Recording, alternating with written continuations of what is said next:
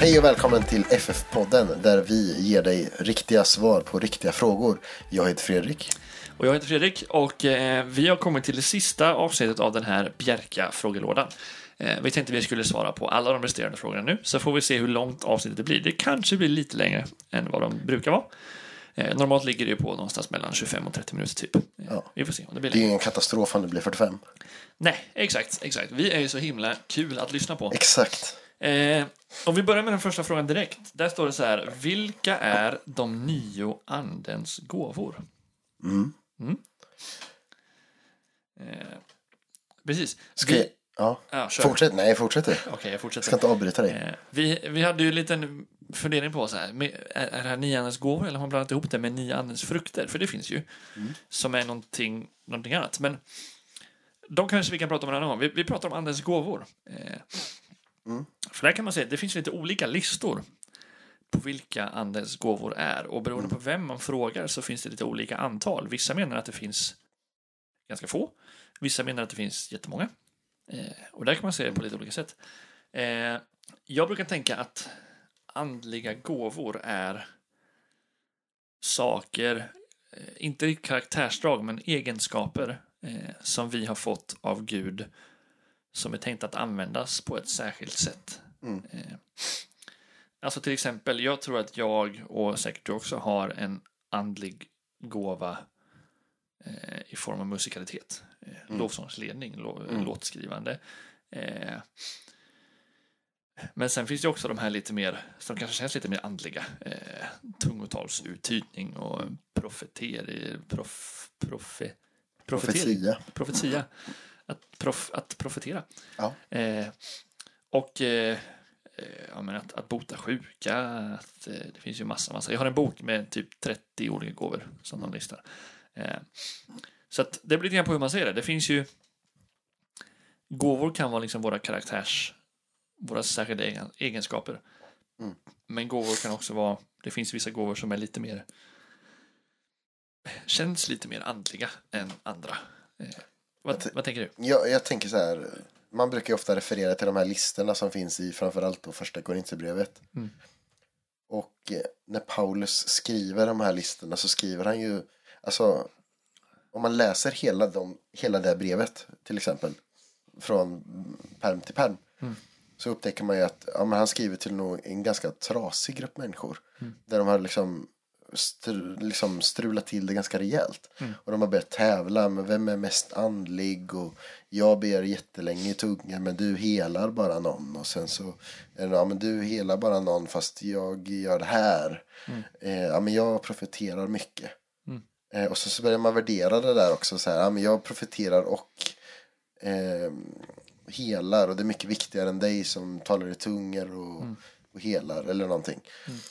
Eh, och Paulus skriver till dem och, och är väldigt tydlig med att ja, men, det handlar om att hålla upp det som en kropp. Att så här, allt behövs. Eh, men det handlar inte om att vi ska jämföra oss med varandra och säga ja, men jag har något som är mycket bättre än dig. Eh, och jag är mycket mer andlig än dig. Utan det handlar om att vi tillsammans får liksom visa vem Jesus är. Och att vi tillsammans får vara där och betjäna varandra. Och ja men liksom. Det, det är mer den grejen.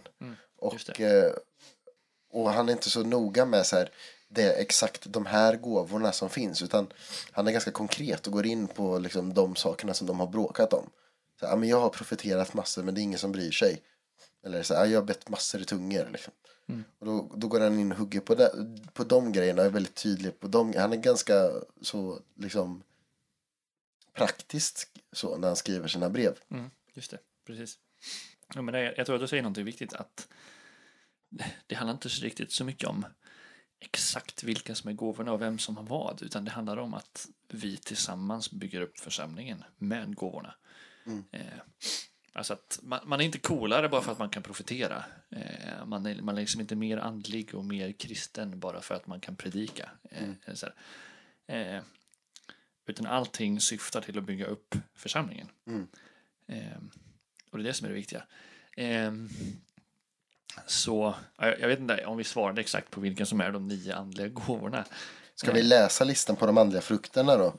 För Ja, men gör att det. jag tror ju att det, det är det som det refereras till. Mm, Läs Då är eh, listan så här. Det står för övrigt andens frukt. Mm. Eh, så att i, i grundtexten och eh, ja, faktiskt även i den här folkbibeln. Så Intressant om frukt är att frukt Är, singularis. Det är en frukt som Mhm. innehåller alla de här komponenterna. just det, intressant, intressant. Och också intressant om frukt är att en frukt kan du inte prestera. Nej. En frukt är en naturlig följd av det man är. Träd Exakt. får frukt. Exakt. Det finns många liksom så här parametrar i det här. Ja. Men det står så här, andens frukt är kärlek, glädje, frid, tålamod, vänlighet, godhet, trohet, mildhet, självbehärskning. Och jag tänker ju att eh, när jag läser det här så tänker jag ju på, på Jesus. Mm. Det var ju sån han var. Ja, precis, precis. Ja, eh, ja. men så där, där har vi ett svar. Mm. Eh, andens frukt är av den nio. Och om det var det du menar så har du listan där. Andens gåvor kan vara en viss lista som finns i första Korinthierbrevet eller så kan det vara jättemånga fler. Och Mm. det är egentligen inte så viktigt exakt vilka de är, utan det är hur de används. Exakt. Eh, yes, fråga nummer två.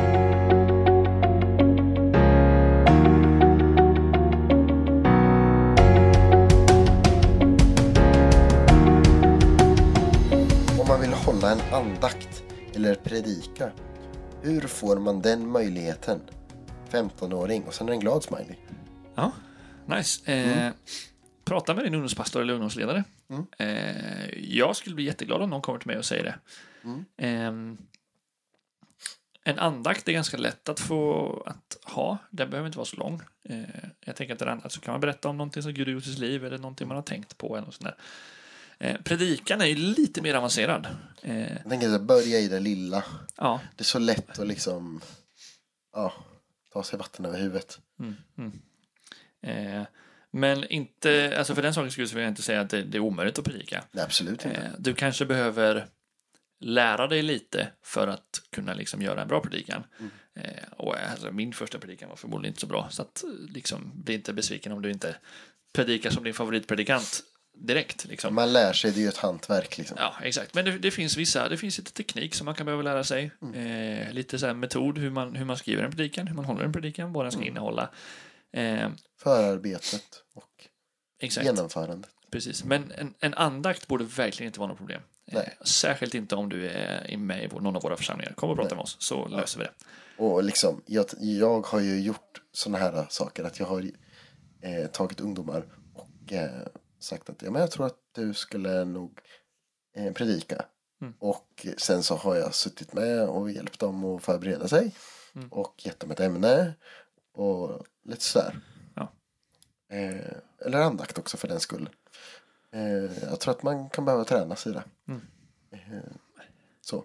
Jag fick en utmaning när jag var ungdom eh, från en av ledarna i vår församling som sa att eh, ja, men så här, jag utmanar dig att aldrig tacka nej när någon ber dig om att hålla en andakt. Eh, och det har jag faktiskt hållit. Eh, vilket har ibland varit eh, tufft men oftast ganska bra. Mm. För det har gett mig chansen att faktiskt berätta vad jag tror på och sätta ord på det. Ja. Vilket har liksom i slutändan lett mig till där jag är nu. Att jag är pastor och predikar hyfsat regelbundet. Eh, så börja där, börja med en andakt. Börja med att dela någonting på ungdomssamlingen och sådär. Men eh, ja, Men pra- prata med en som är ansvarig i ditt ungdomsarbete. Ja. Eh, och, och, ja. och be om dem k- också att de kan vara liksom ditt, din guide eller ditt stöd eller vad man kan säga. Mm. Men man vill, behöver ju lite feedback tror jag. exakt. Man, är ju liksom, man föds inte med liksom så här alla skills. Utan man kan behöva lite guidning på vägen. Ja, visst, visst. Eh, vi hoppar in i nästa fråga. Och här har vi faktiskt, vi har fått några frågor som är ungefär lika fråga. Eh, så- alltså de berör ungefär samma sak. Jag tänker att vi börjar med en sån. Den första är, är det, eller vi läser den, här, den, den korta varianten av frågan. Här står det så här, sex före äktenskap? Frågetecken. Och sen finns det en till fråga som utvecklar det här lite grann. Är det fel att ha sex innan äktenskap om man vet att man är rätt för varandra?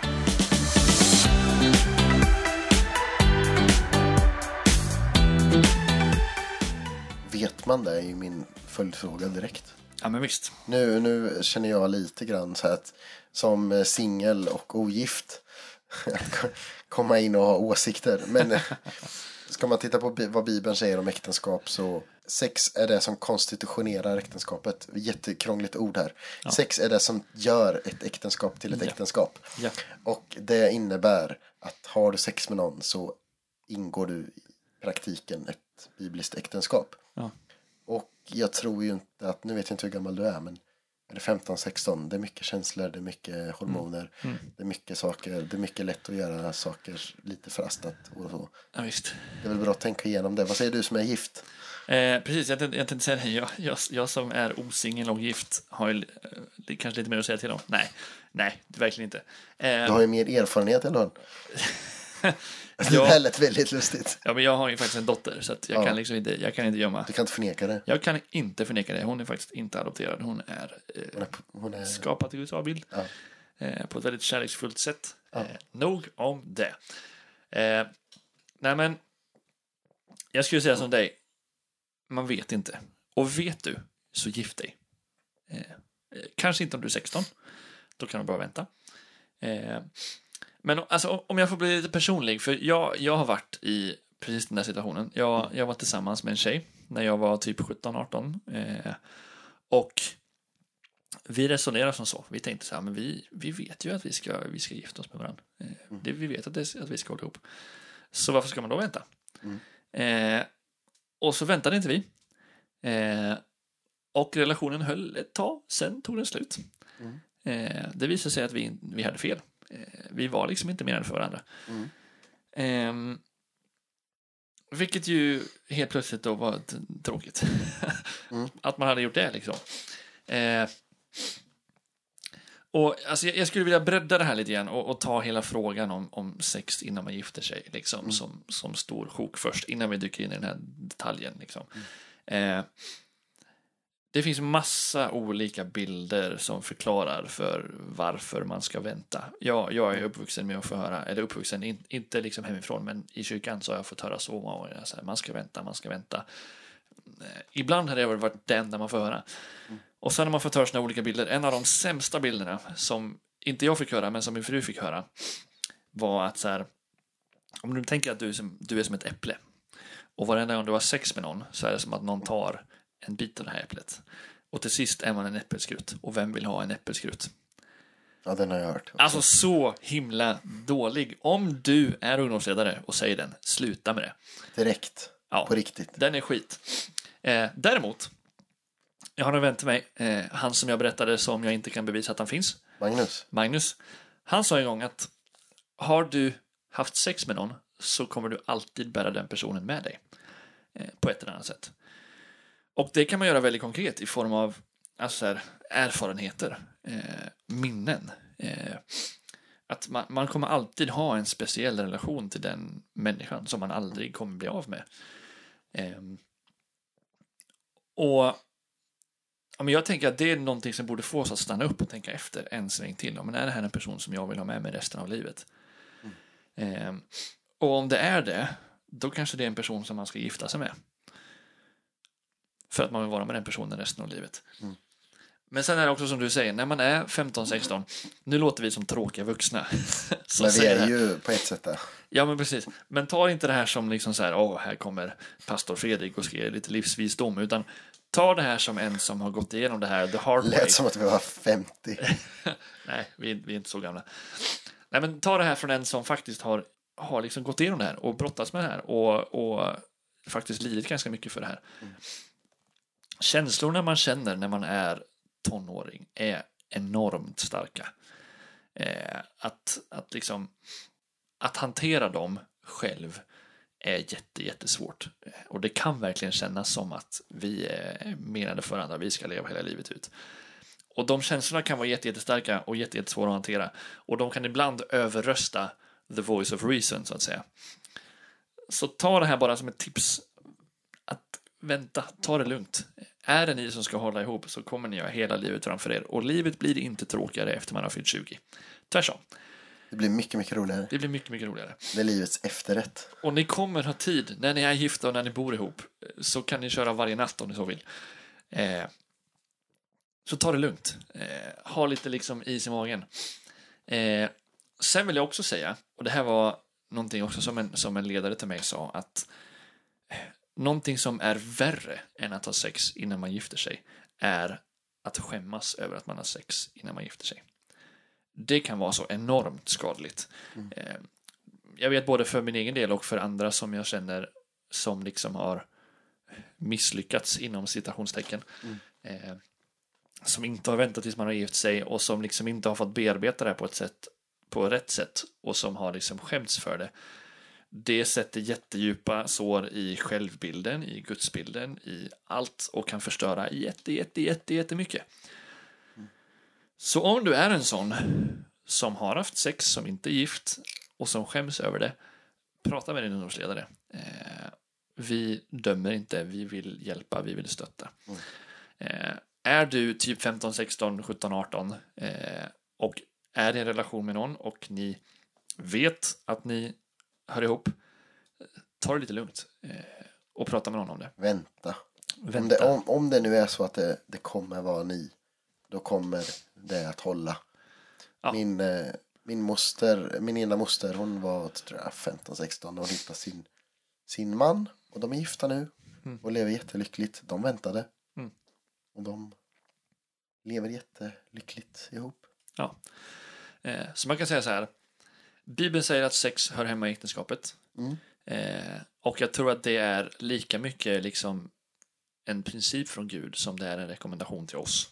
Mm. Eller rekommendation, en- alltså så här, en uppmaning till oss. För att, för att sex är inte menat att vara bara något fysiskt som man gör bara för skojs skull. Utan det, det är liksom den intimaste formen av relation som en, en kille och en tjej kan ha. Eh, så av den anledningen, för din egen skull, vänta tills du har gift dig. Eh, har du inte väntat så är det inte det hela världen. Eh, du kommer inte hamna i helvetet. Eh, och om du tycker att det är jobbigt att du inte har väntat, prata med en ledare. Eh, ja. Ja. Vill du tillägga något eller känner vi oss... Nej, jag liksom- tycker att du- du har skött det bra. Ja, tack för att jag skötte mig bra. Eh, ja, men vi går vidare då till nästa fråga. Ja, och där är det min tur va? Jajamän. Jag har fått frågan, kan, hur kan jag höra Gud?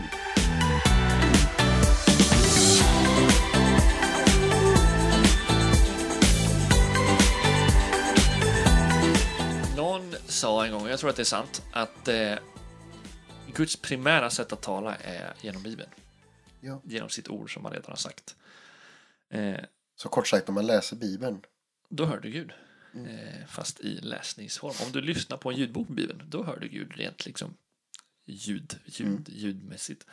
Eh, nej, men du ska jag vilja säga det bästa. Läs Bibeln och läs mycket Bibel. Eh, jag tror att alltså på samma sätt som man säger att vårt ordförråd ökas eh, genom att alltså, om ett barn som läser har större ordförråd än ett barn som inte läser.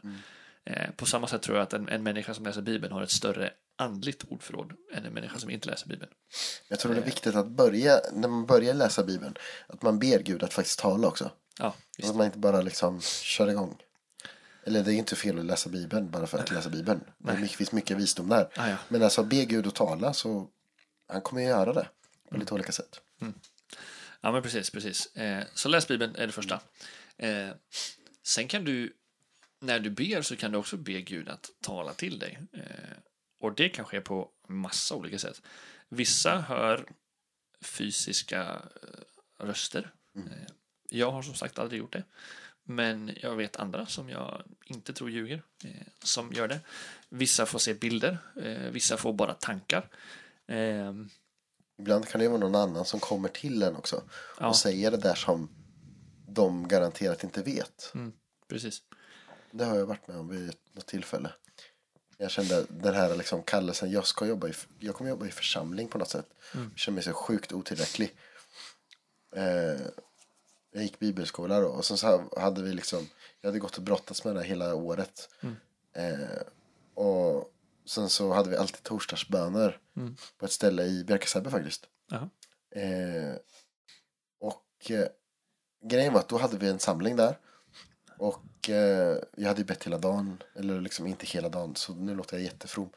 Men, men eh, jag hade ju bett ganska mycket för det här. Ja. Eh, och inte sagt det till någon överhuvudtaget. Det här var ju för mig, jag hade inte ens nämnt det till mamma. Nej. Eh, så det var bara jag som visste om det här. Och sen eh, När vi satt där uppe så var det en gammal tant som häng, brukar hänga på våra, våra bönesamlingar. Mm. Och hon sa liksom exakt det Mm. som jag hade bett. Alltså, Mm. du, du är här och du, du har den här kallelsen att du ska eh, predika och, och så. Och du känner att du inte är, så- att du inte är, till, alltså, du är inte tillräcklig för det. Mm. Och du klarar inte av den här uppgiften. Men det är inte du som ska klara av den. Utan du kommer få min hjälp. Mm. Eh, och det kan ju också, hela det här budskapet kan ju vara liksom, något man kan tala vidare om. Mm. Men, men just det här att hon hade inte den blekaste aning. Men då kunde hon liksom på något vis tala direkt till mig Just det. om någonting som hon som ja, jag hade bett till Gud om. Mm. Mm. Så så kan Gud tala med Ja, ja men precis. precis. genom andra människor. Ja, ja verkligen. Ja, men så det, det finns kontentan är väl, det finns många sätt som Gud talar. Eh, Det primära är Bibeln. Mm. Läs Bibeln. Det är väl det mest konkreta tipset. Skapelsen brukar jag, kan jag lägga till också. Ja, just det. Molnet som jag berättade om. Ja, precis. Precis, Man går precis. ut och liksom tittar på skapelsen. Ja. Eh, ska vi dyka in i nästa fråga? Ja.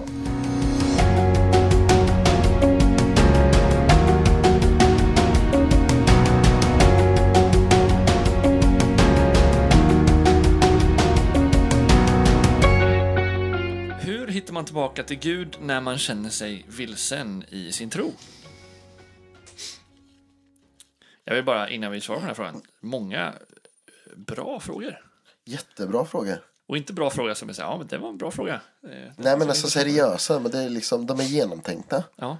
Eh, Så vad vad var frågan nu då? Jag tappade bort den. Hur, hur kommer man tillbaka till Gud om man känner sig vilsen i sin tro? Ja. Eh, alltså, jag säger ofta det, um- umgås med kristna, prata med det, prata om det. Ehm, ta hjälp av dina kristna vänner och säg att ja, men jag, jag har svårt med det här. Eh, prata med din ungdomsledare, ungdomspastor. Eh, läs Bibeln, be. Ja men typ så. Eh, jag, jag skulle säga be, be, till Gud, be till Gud om det. Ja. Eh, det är en relation, tänker jag. Och en relation, den kan ju svänga upp och ner. Mm. Det är inte alltid en relation är på topp. Nej. Och eh, samma sak är det med vår relation till Gud förstås. Det är inte alltid den är 100% super på topp. Nej, visst. Jag, kan ju, ibl- jag har ju haft perioder i mitt liv där jag har varit vansinnig på Gud. Liksom. Mm. Och då känner man sig lite långt ifrån honom. Mm. Mm. Men liksom be till, be till honom och tala om det. Mm. Eh, läs Bibeln. Eh, samtala med någon om det. Mm. Be om förbön. Mm. Eh, det innebär för dig som inte kanske är så känd med uttrycken. Liksom, att eh, man ber någon annan be för en. Det kan ibland kännas väldigt jobbigt att be själv. Och då kan någon annan få liksom, formulera det som man själv kanske inte känner. Att man orkar be. Ja, men precis. Precis, exakt. Hjälpa till lite. Typ. Ja, ja men precis. Att man, man, man, man ber varandras, eller man bär varandras bördor lite grann. Mm. Eh, och, ja, men jag, jag tänker också att det, det, det finns ingenting skämmigt i att vara lite vilsen i sin tro. Eh, utan det, det är helt okej. Eh, det, som, det som är farligt är när man är vilsen och inte pratar om det. För då, Mm. då blir man mer och mer vilsen och så finns det risk att man liksom hamnar supersnett. Mm. Eh, så ja, men prata om det. Prata om det. Eh, B. Läs Bibeln. Mm. Nästa fråga. Nästa fråga. Är det jag? Det är du.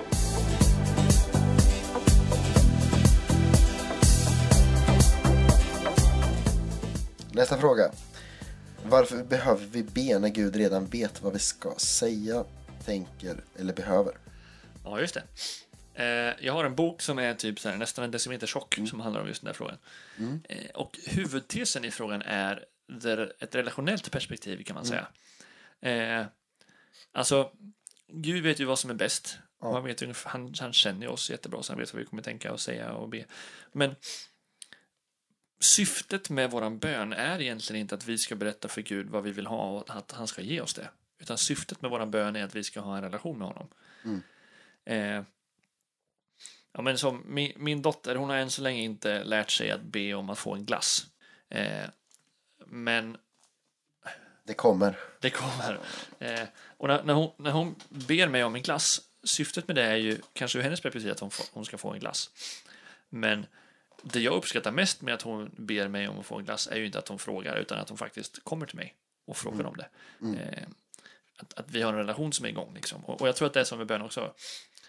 Det högsta syftet med bön är inte att vi ska liksom att Gud ska checka av vår önskelista utan det är att vi ska prata med Gud. Att, att han ska få höra våran röst och vi ska Mm. få höra honom.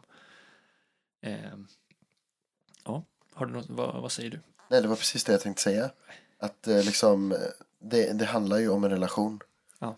Eh, Jag, när jag var, alltså jag, jag har ju en pappa obviously. Eh, och en mamma. Och de, jag, jag, kommer inte, jag hör ju inte av mig till dem när, när det är dags för att jag ska få någonting eller jag vill ha någonting. Nej. Utan ja, men det kan jag göra också. Om jag be- liksom så här, det krisar hjärnet. Mm. Jag behöver hjälp, snälla. Liksom. Men liksom, nio fall av tio, jag hör av mig till dem för att jag vill liksom, ha en relation med dem. Och för att jag vill utveckla den relationen vi har. Just det. Bara kanske för att säga, ja, men kan jag komma över? Det är nog mitt vanligaste samtal. Det kanske är svårt att förstå när man är 14. Men mitt vanligaste samtal, eller min, det vanligaste jag säger till farsan eller morsan när jag ringer upp dem. Det är ju så här, är ni hemma? Och då om jag får ett ja på den, kan jag komma över? Ja. Och då innebär ju det liksom, kan vi hänga liksom? Det spelar ingen roll vad vi gör.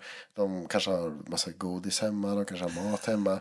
De kanske inte har någonting hemma. De kanske bara typ sitter i soffan med sina iPhones Ja. och bläddrar. Men jag vill hänga med dem. Ja, just det. Och jag tänker det, det är liksom Ja, men precis. precis. samma med Gud. Han vill hänga med oss. Exakt. Eh, och, men om man tänker så här då, om, om Gud nu redan vet allt vi önskar Mm. och han vet vad som är bäst för oss, Mm. är det någon idé att be om saker? Jag tror ändå Gud, det Bibeln säger det att vi ska komma med alla våra önskningar till honom. Mm. Eh, och egentligen rent praktiskt om man tänker det ska vara så här liksom väldigt eh, så här, behövs det? Nej, egentligen inte kanske. Nej. Men samtidigt så är det väl just den här grejen att ja, men det är lite som, som eh, julklappar liksom. Mm. Varför, varför skriver man en julklappsönskelista? Eller liksom, vi frågar runt i familjen, vad önskar du dig i julklapp? Mm. Ja, jag önskar mig en, en cykel. Ja, men okej, då köper jag en cykel åt dig. Mm. Alltså, jag kan ju lika gärna köpa den själv. Det är, liksom, det är inte det det handlar om. Nej. Utan det är liksom, återigen då, det är ju det här relationella. Mm. Och att vi kommer till, som du sa med glassen där. Mm. Det viktigaste för dig det är att du, hon, Leia kommer till dig Mm. och vill att du ska hjälpa henne med glassen. Mm. Att du får vara där för henne. Precis, precis. Och sen kan man ju tänka sig att vi, det utvecklas lite grann i vad vi faktiskt ber om också. Ja.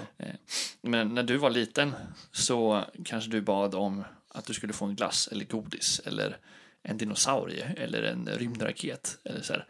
Eh, saker som är liksom, ja men det, man kan be om det och det kanske, alltså just då kanske var det, det är just det som du tror att du behövde och det du mest av allt ville ha. Mm. Men sen när man växer upp så förändras ju vår relation till våra föräldrar och det vi ber Ja. om och så här. Och så är det med Gud också, tänker jag. Att, Mm. ja, men så här, man får be om precis exakt vad som helst och ju mer du ber desto mer lär du dig Mm. hur du ska be. Mm. Eh, med det sagt så menar jag inte att så här, när du har varit kristen hela livet så ber du bara Hej Gud, kan vi hänga? Nej. Utan eh, så, jag, jag, jag tror att vi får be om vad som helst. Mm. Eh, och jag tror inte att poängen är att vi ska få checka av vår lista utan det är relationen som är, som är grejen. Att Gud får vara en del av vårt liv liksom. Ja, eh, precis, precis.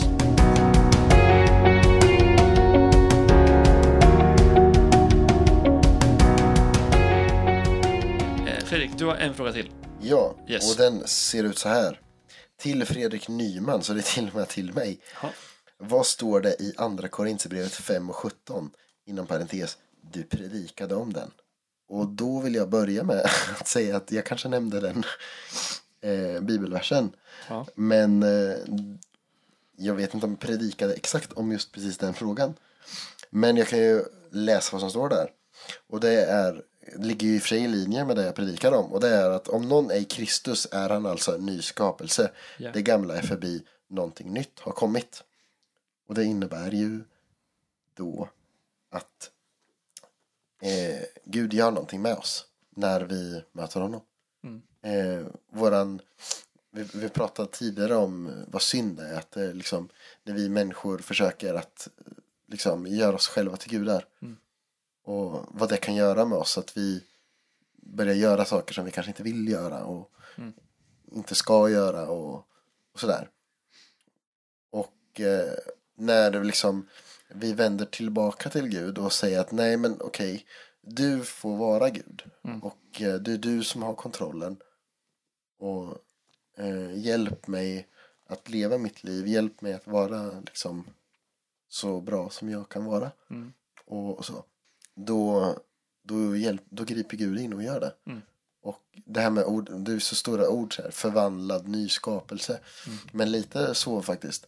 Alltså att eh, det hände ju något med mitt liv. Alltså, jag började kanske prioritera annorlunda. Mm. Jag kanske liksom behandlar andra runt omkring mig på ett annat sätt. Mm. Att jag liksom kanske börjar förlåta de som har gjort mig illa. Som jag kanske tidigare inte hade gjort det till. Det kan hända att eh, jag kanske slutar ljuga. Blir ärlig. Det är ju så, alltså det är ju en process liksom. Eh, så att det, det är ju någonting som växer i, i en hela tiden. Man, man blir liksom mer och mer lik eh, Jesus eller vad man säger. Just det. Blir det. Och då är ju inte liksom att jag formas i mitt utseende. Så att jag får tydlig, förtydliga det. Nej men alltså att vi Slänger får. hår och... Ja men precis, går i Sandaler. sandaler och folk bara vem är han liksom.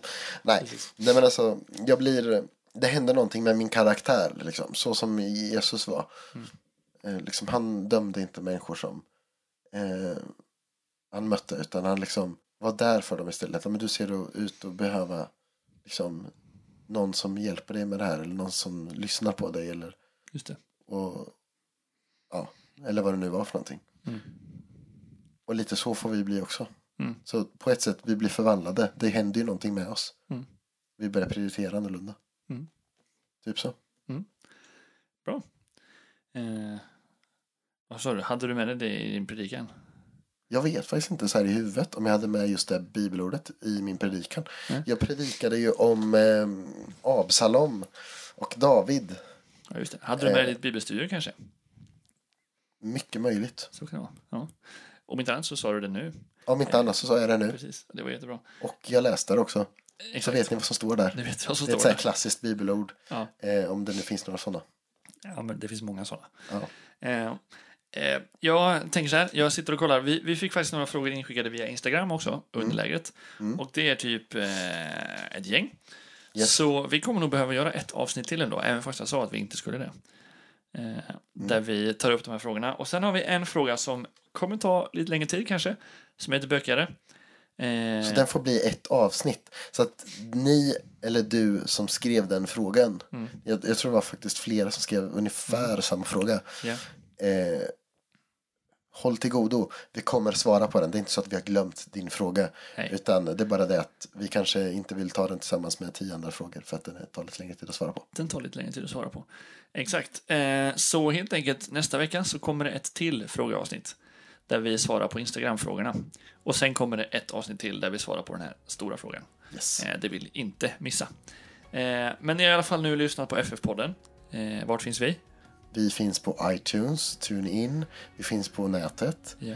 Acast. Mhm. Nu tar jag dem i fel ordning. Nej, det är helt okej. Eh, vi finns på Snapchat och eh, så har Instagram. Facebook finns vi på. Mhm. Ja, Vi finns där poddar finns. vi Typ. finns. Det är så himla bra. Vi finns där poddar finns. Ja, eller hur? Skitbra. Det, är- det är ett enkelt sätt att säga jag har ingen aning om vilka tjänster det är. Precis.